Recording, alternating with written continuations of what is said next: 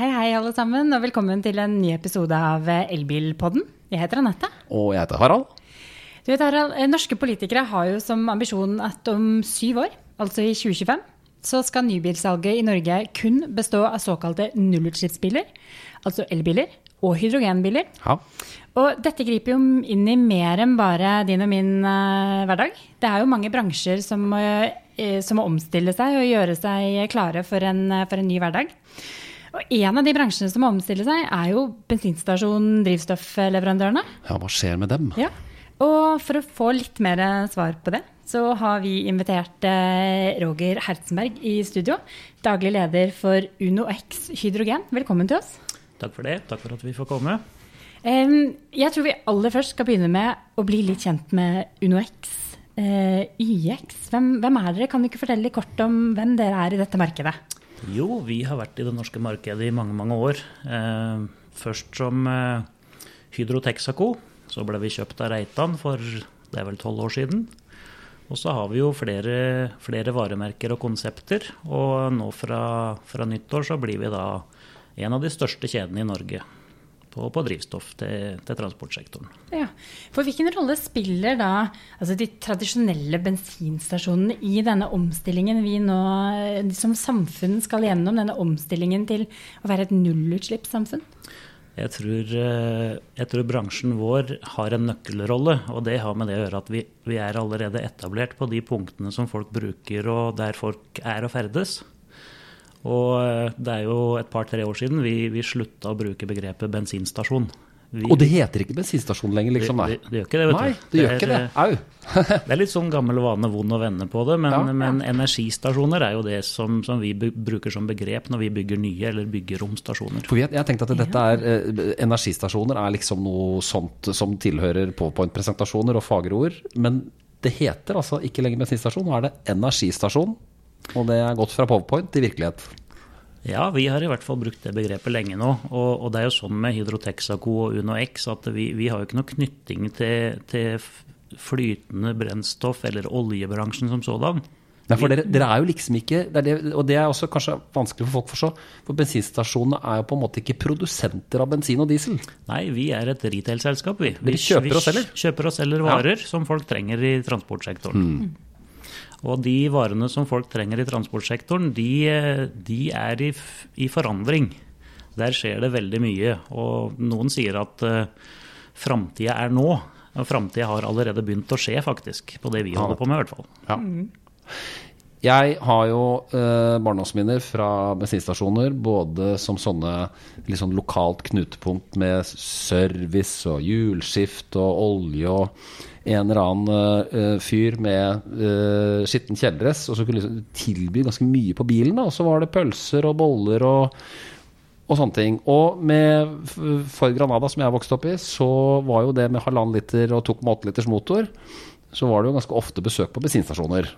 Det kan ha vært meg det kom på besøk til. Altså, for jeg begynte som 15-åring.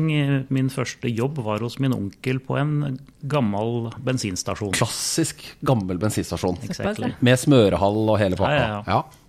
Da, var jeg, da var jeg faktisk eh, en periode batterispesialist, men det var da startbatterier, og ikke nødvendigvis da framdriftsbatteriene. Nettopp.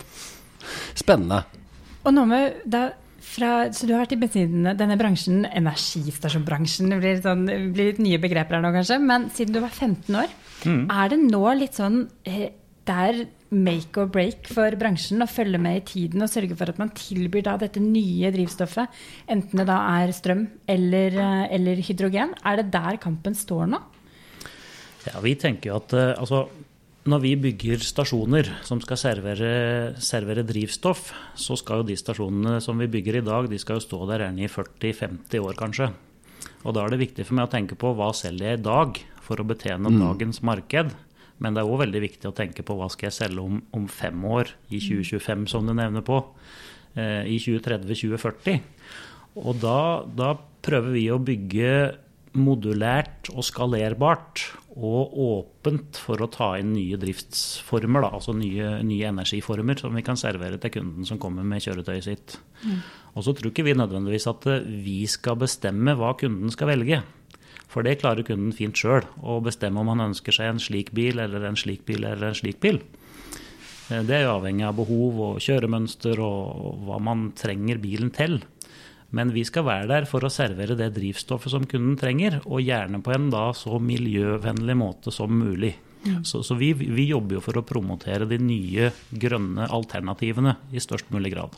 Og det betyr egentlig at du nå sier at uh, dere skal klare å tilby alt som biler går på framover? Ja, hvis man har som ambisjon om å, om å, servere kundene det de trenger i transportsektoren, så, så må man være fleksibel og, ja. og litt framme i skoen på det. Ja. Og det betyr, hvis vi begynner med elbilen, for det er det det selges uh, mye av nå, av alternativet uh, Hvordan planlegger dere da å legge til rette for lading av elbiler på de hva skal man si, nye energistasjonene? Ja, Sånn som det er i dag, så, så, er det jo sånn at lading av en batterielektrisk bil tar litt lengre tid enn å fylle bensin eller diesel f.eks. Ja. Eller bioprodukter. Eh, og da passer det best på steder som kan ta vare på sjåføren mens bilen blir lada. Pausen. Pausen der, altså. Mm.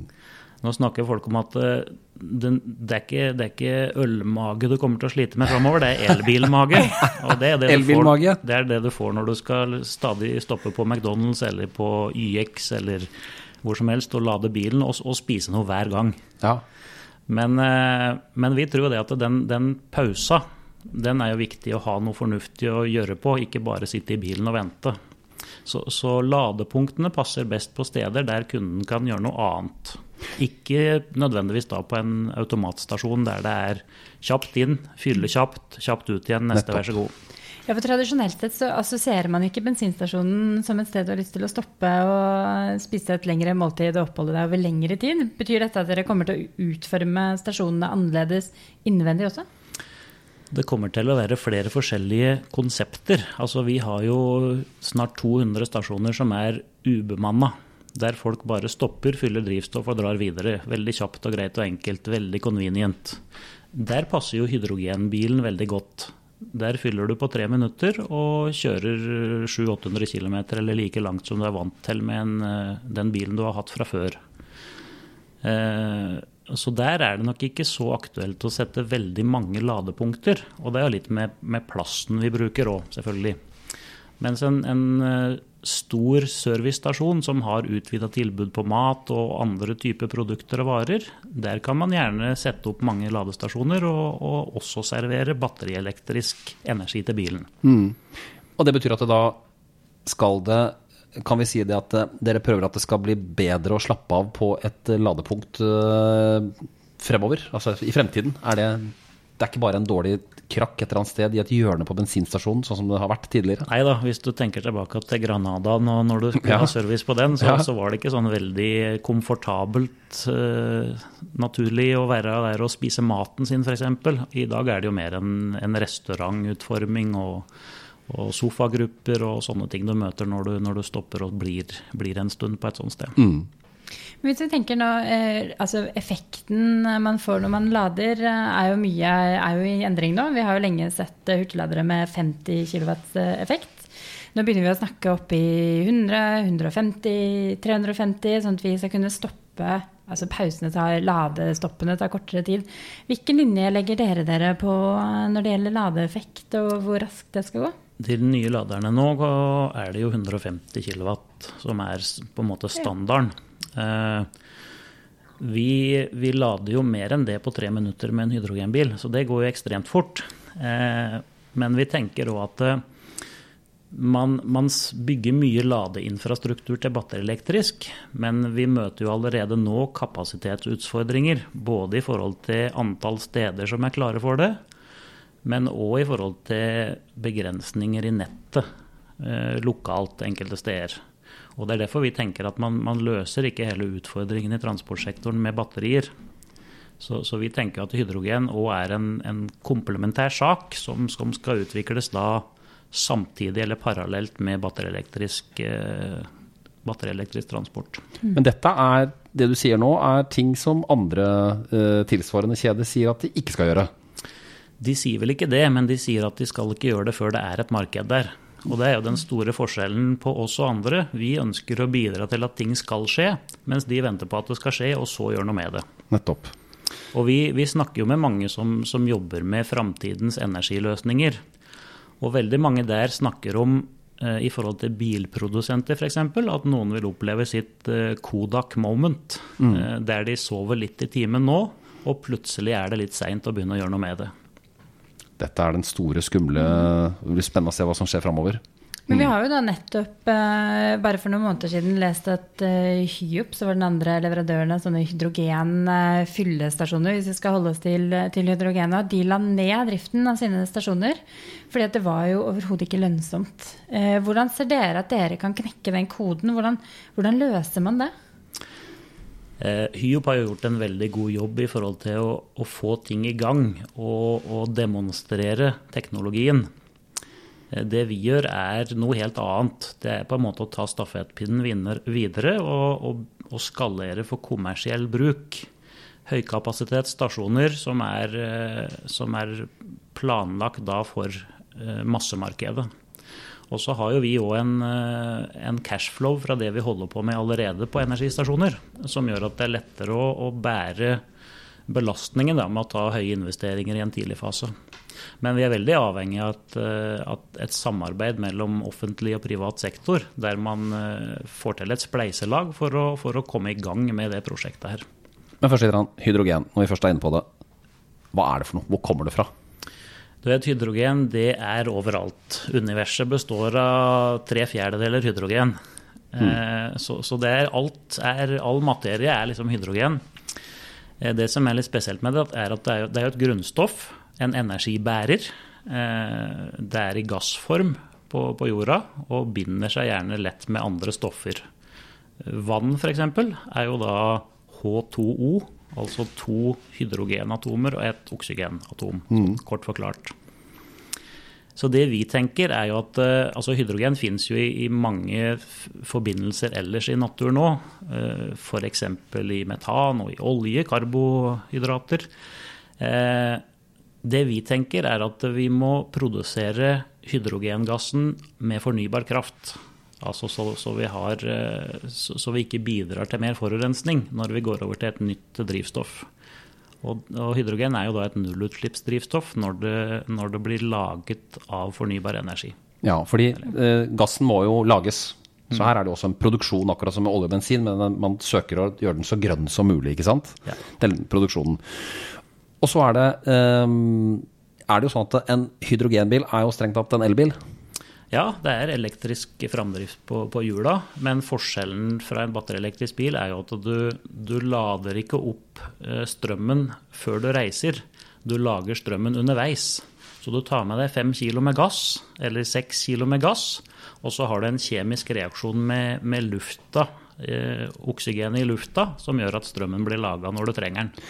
Så dette er enkelt forklart, så er dette en hydrogenbil er på en måte et kraftverk på hjul. Det er det, og i, og i tillegg til det så er det òg en luftrenser på hjul. Oi, hvordan da? Nei, du vet at den, den lufta som skal gjennom fuelcell-stekken og reagere med hydrogenet, den må være uten partikler. Så en hydrogenbil, i tillegg til det å bytte ut en dieselbil f.eks., og forurensningen fra en dieselbil når du kjører hydrogenbil, så renser du lufta for to tilsvarende turer med dieselbil. Hmm, det er rett og slett en luftrenser og et kraftverk eh, som driver da eh, elektriske motorer, som da har hjula ned på asfalten. Ja, Null utslipp. Eneste biprodukt er varme og vanndamp. Nettopp. Varme og Og, og vanndamp. det er jo sånn at det, det høres nesten for godt ut til å være sant. Men jeg har jo kjørt en sånn bil i tre år nå. 80 000 km og uten tull og tøys. Man skifter filteret, så man kan fortsette å rense lufta der man kjører. Og man skifter noe kjølevæsker fordi det blir varmeproduksjon i, i elproduksjonen, da, for å kalle det det. Mm. Men utover det så er det helt uproblematisk å kjøre. Fylle på tre-fire minutter og tar deg dit du vil. Ja. Men du, Roger, du mener at eh, denne varianten av elbil, om vi skal kalle det sånn, dette her er liv laga, og det bør komme flere, og det kommer flere. Det kommer flere. Vi har jo et initiativ der vi, vi bygger infrastrukturen. Og det har jo vært litt sånn klassisk høne og egget-diskusjon. Ja. Ingen vil, eh, vil eh, satse på infrastrukturen når du ikke har noen kunder, eller før du får kunder. Og ingen kjøper biler som du ikke kan fylle, det sier seg sjøl. Det sier seg selv. Så, så vi har jo nå sagt at eh, vi sammen med det offentlige vil gjerne ta livet av den diskusjonen. Å bygge den første infrastrukturen som muliggjør kjøring i hele Sør-Norge med, med hydrogenbil. Og Så blir det en fot i bakken, men det jeg tenker er at da er vi allerede i gang. For, for interessen for hydrogenbil rundt omkring, der vi etablerer oss, og der vi er og snakker om det her, den er, den er skyhøy. Folk, folk omfavner det alternativet her, men de sier jeg må jo ha et sted å fylle bilen min. Ja. Jeg, jeg, slipper ikke helt dette med, med bensinstasjonen i gamle dager og energistasjonen nå og i fremtiden. Kan ikke du ta oss kort igjennom, du som har holdt på med dette siden du var 15 år. Hva er liksom milepælene i eh, bensinstasjonen sånn fra ja, 70-80-tallet og, og, og frem til nå? Når kom disse nye tingene? Hva er milepælene? Nei, det, det, var jo sånn at Til å begynne med så var det jo bilen som hadde all fokus. Og det å ha drivstoff og service på bilen, og skifte deler og hjul og eksosanlegg og olje og alt det. Og da var det jo ikke noe butikklokale å snakke om. Så, så kom jo matserveringen og, og ja, når, når, kom den? Nei, Det begynner jo å bli snart Det er jo 35-40 år siden, kanskje. Ja. Og så har det jo utvikla seg veldig. Det var jo en milepæl når, når, man fikk Norol-kort i sin tid. Kunne betale for seg med ja, kort på bensinstasjon. ja. De var veldig tidlig ute med det. Og det var jo en liten revolusjon. Det gjorde at, at bensinstasjonen ble en attraktiv plass å handle på.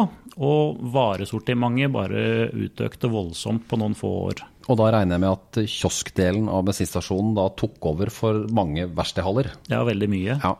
Og, og, nå har det jo blitt litt mer sånn at, at det er forskjellige konsepter. Det er Noen steder så, så fokuserer man veldig på den delen, Mm. og egentlig har bare drivstoff som en trafikkskaper. Mens andre, da, sånn som UnoX, serverer jo drivstoff som hovedprodukt, på, spesielt på de ubetjente anleggene. Mm. Så det har blitt et skille der, der før var veldig mange bensinstasjoner helt like og hadde akkurat de samme produkta, mens nå om dagen så er det en flora av tilbud som, som søker å tilfredsstille litt forskjellige behov. Da. Og midt i denne endringen som man jo har sett i de siste årene, der eh, man har kanskje bare fylt opp tanken og dratt igjen, så virker det litt som at eh, elbilene, og nå da også hydrogenbilen, er litt sånn svaret og løsningen dere har ventet på å få kundene inn igjen i butikken? Ja, men du vet at vi, vi tenker jo at man lever jo av å ha kunder, og å servere det kundene vil ha. Så vi er jo veldig opptatt av å legge til rette for at vi kan være fleksible. Bygge modulært og skalerbart. Den neste stasjonen vi åpner nå, f.eks. På, på VAM på nordsida av Oslo, det blir en energistasjon med multifuel-tilbud. Nettopp. Og, og multifuel, da mener du? Der mener vi tradisjonelt flytende drivstoff. Bensin og diesel. Ja, men òg med høy andel av bioinnblanding i de vanlige produktene. Ja. Det er jo kanskje den, den, raskeste veien å gå for å få til noe på miljøeffektsida. For det er noe som vi kan bruke eksisterende infrastruktur på. Alle dispensere og, og pumper rundt omkring kan, kan servere det. Og alle biler kan bruke det. Både bensin- og dieselbiler. Og så tenker vi at på under samme tak så skal vi ha fornybaralternativet. Så vi, var, vi, vil da legge til rette for en hydrogendispenser. Der eh, den som velger en diesel- eller bensinbil, ser at ok, på neste refuge, på neste dispenser, så står det en kar som fyller fornybart drivstoff. Bruker samme tida på å fylle tanken sin, bruker litt mindre penger på å fylle tanken sin, og kommer like langt. Eh, og det er eh, just another fuel, tenker vi. Mm. Men et mye, mye bedre alternativ. Så, så, vi vil gjerne jobbe for å, å, fase inn det så hurtig som mulig og så mye som mulig. Og stasjonene vi bygger, de er jo da modulære og skalerbare, så vi kan fase ut eh, flytende drivstoff og fase inn gass, f.eks. Ja. Det betyr at her kan man stå nærmest på rekke og rad.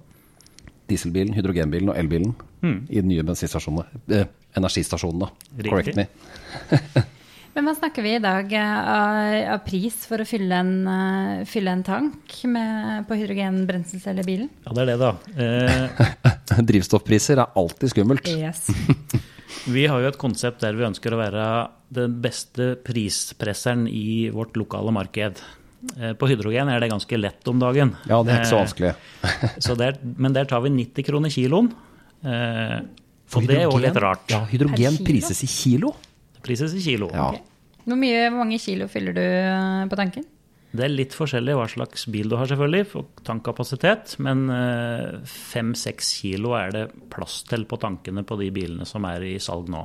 Og det betyr at fem-seks kilo i hydrogen er jo en fysisk størrelse som er annet enn en manual på fem kilo. Ja, altså på den bilen jeg kjører ute her nå om dagen, den, den har 159 liters tank. Der er det plass til 6,3 kilo hydrogen. Nettopp. Vi har òg en modell i markedet som tar 122 liter, og der er det omtrent akkurat 5 kilo hydrogen. Spennende. Men per i dag så er det, det er to stasjoner, to hydrogenfyllestasjoner som finnes i Norge nå. Eh, Bergen og Sandvika. Eh, den på Sandvika den er ganske unik, er den ikke det? For det er jo også der Det er også sin egen strømproduksjon, er det ikke det? Kan du ikke fortelle litt om jo, den stasjonen? Jo, den, den stasjonen som vi har, uh, har, satt opp i Sandvika og hatt i drift i nesten nøyaktig to år nå, den er jo egentlig uh, det, er, det, er, et unikum. Der har vi et, det er et raffineri, hvis du skal tenke på gammeldagse måten. Altså vi, vi bruker solenergi fra kontorbygningene i Kjørboparken og solenergi fra taket på parkeringsanlegget på Kjørbo. Og så tar vi den energien og samler det og mater en elektrolysør.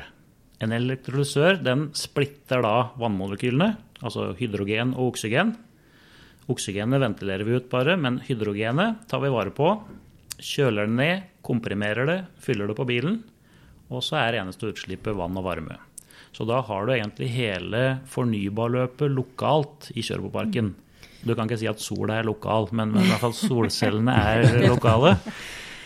Og null utslipp. Og dette er kortreist hydrogen, rett og slett? Veldig kortreist hydrogen. Den drar bare ca. 20 meter fra, fra raffineriet, da, for å kalle det det, og ut til, til, bilens eller kundens tank. Det er ikke alle som har et fossefall ved siden av ladestasjonen sin som kan lage strømmen. Det Nei, har vi ikke sett ennå.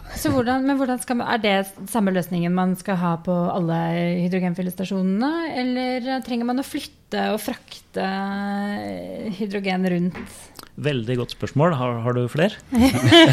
Nei, du, vi, vi, vi, ser for oss en, en kombinasjon med on-site-produksjon, der det er tilgang på billig strøm eller tilrettelagt med fossefall i bakgården, mm. eller, eller, sol, solpark, eller billig nettstrøm som ikke kan sendes noe sted. Eh, vi har mye fornybar kraft i Norge som ikke nettet kan ta imot. Og på de stedene så gir det jo mening å produsere hydrogen, tenker vi, i litt større skala. Og så må du jo frakte det dit det skal selges. For det er jo ikke alltid der energien er tilgjengelig at eh, kunden er. Og at det passer for kunden å komme dit. Så, så da jobbes det med løsninger både for eh, sikker og store mengder uh, transport av hydrogen. Så da ser man på løsninger der man kan uh, komprimere gass, man ser på flytendegjøring av gass, og man ser på kombinasjoner med andre stoffer for å frakte hydrogenet og frigjøre det som gass igjen der man skal servere det til bilen.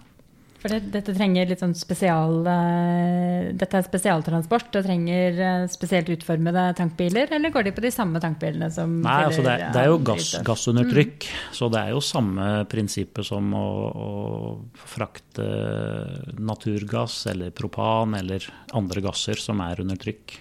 Men det er, vi prøver jo å lage løsninger som, som er effektive i forhold til logistikken nå.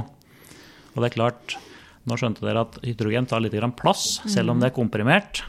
Så, så, vi ser jo på løsninger der vi kan få med oss mye hydrogen på en sikker og trygg måte i én vending.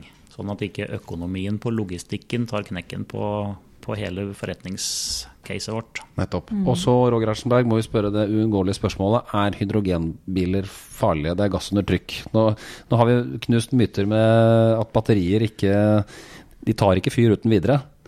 Er hydrogenbil, hydrogenelektriske biler er de farlige? Det er helt livsfarlig, tror jeg.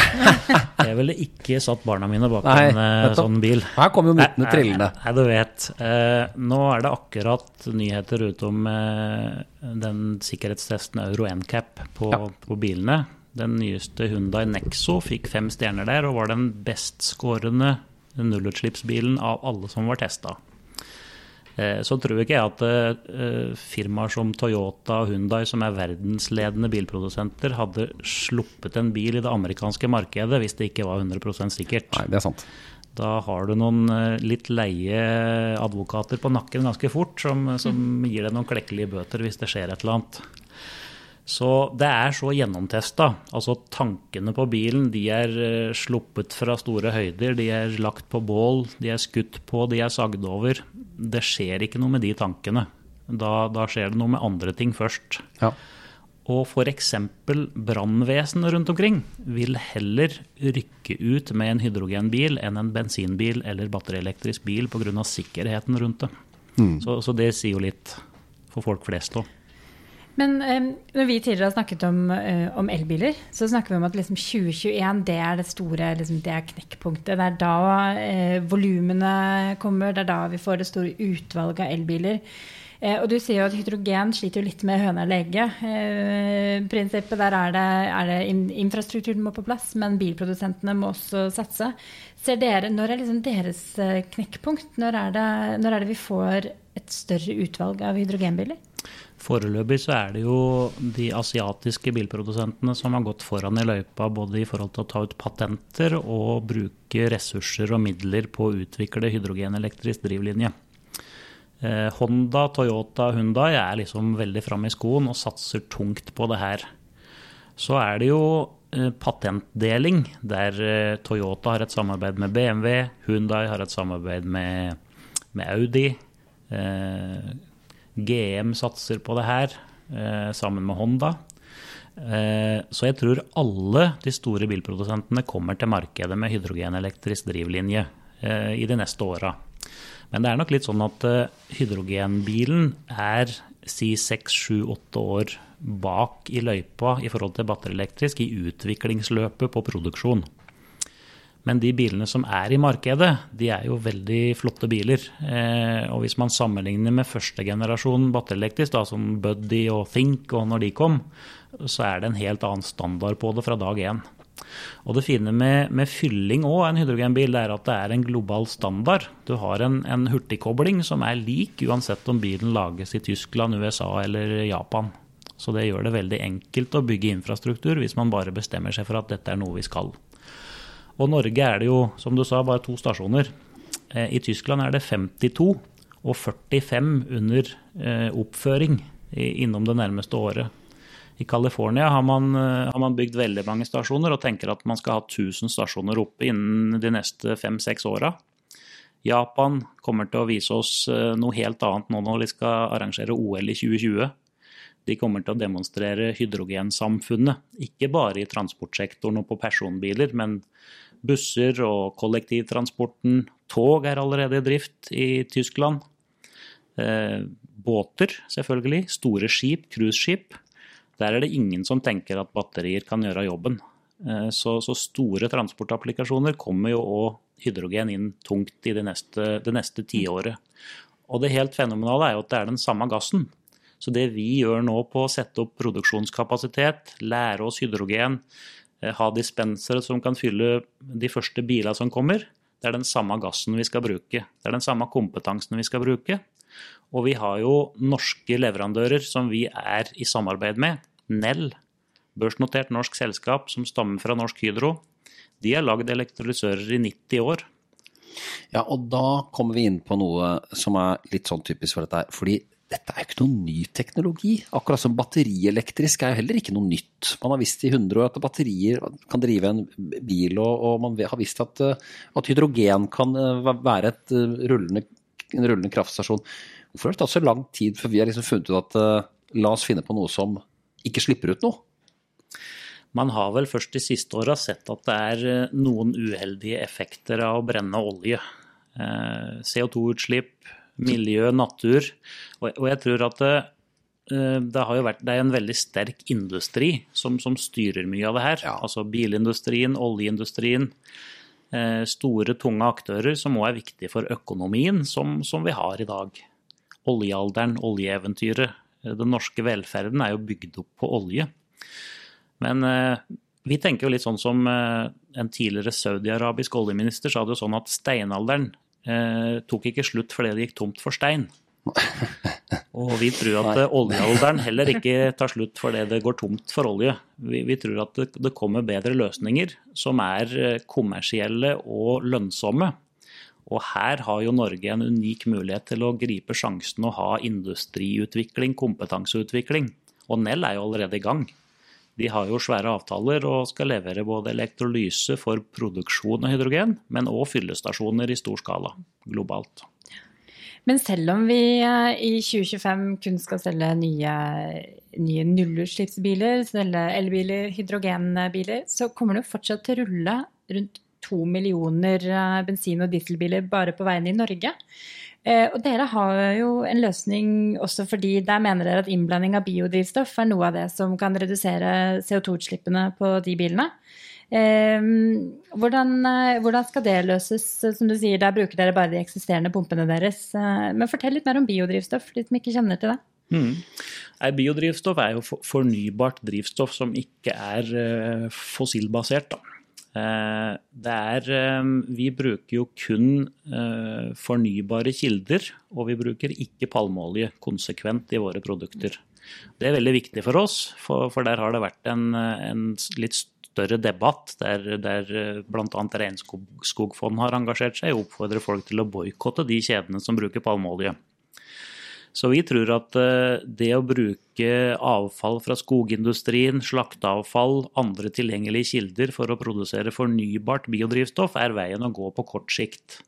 Og det er som du sier, de bilene som er på veien i dag, de kommer jo til å være der. Alle har jo ikke råd til å kjøpe seg en flunka ny batterielektrisk eller en nullutslippsbil, hydrogenbil. Og jeg tror ikke at alle skal gjøre det heller på kort sikt, for det er heller ikke noe veldig godt miljøvalg å bytte ut en fullt brukbar, fungerende bil.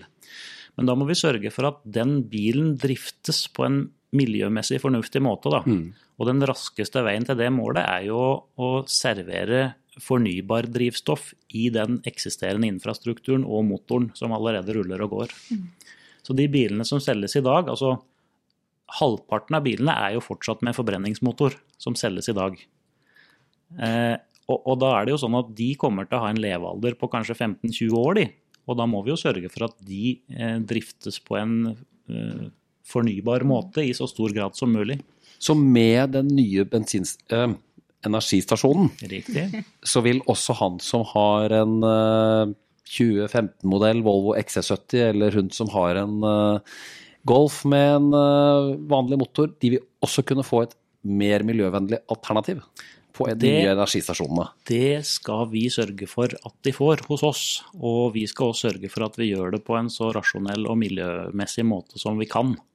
Og Den beslutningen har vi tatt eh, tid tilbake igjen og sagt at palmeolje bruker vi ikke, men vi søker å bruke de beste kildene til fornybart drivstoff. Og så er det det at en energistasjon er jo da ikke en olje- eller bensinprodusent, det er jo da bare en forhandler. Så dere kan, jo, dere kan jo shoppe der hvor dere finner de beste løsningene. Vi gjør det. Nettopp. Det, det lover godt for eh, alle, dette her, Harald. Uansett hva man eh, kjører av bil i årene fremover. Ja. Nå har jeg blitt veldig mye klokere på energistasjoner. Det er det det heter nå. Ja, og du må gjerne bli med ut etter vi er ferdig med sendingen her og testkjøre en hydrogenbil òg, for og, det er en helt annen opplevelse. Det har vi tenkt til. Og, men vi skal i hvert fall takke av eh, Roger Ersenberg i studio.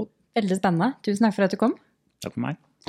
Og så eh, kan du lese mer om elbil på naf.no eh, slash elbil.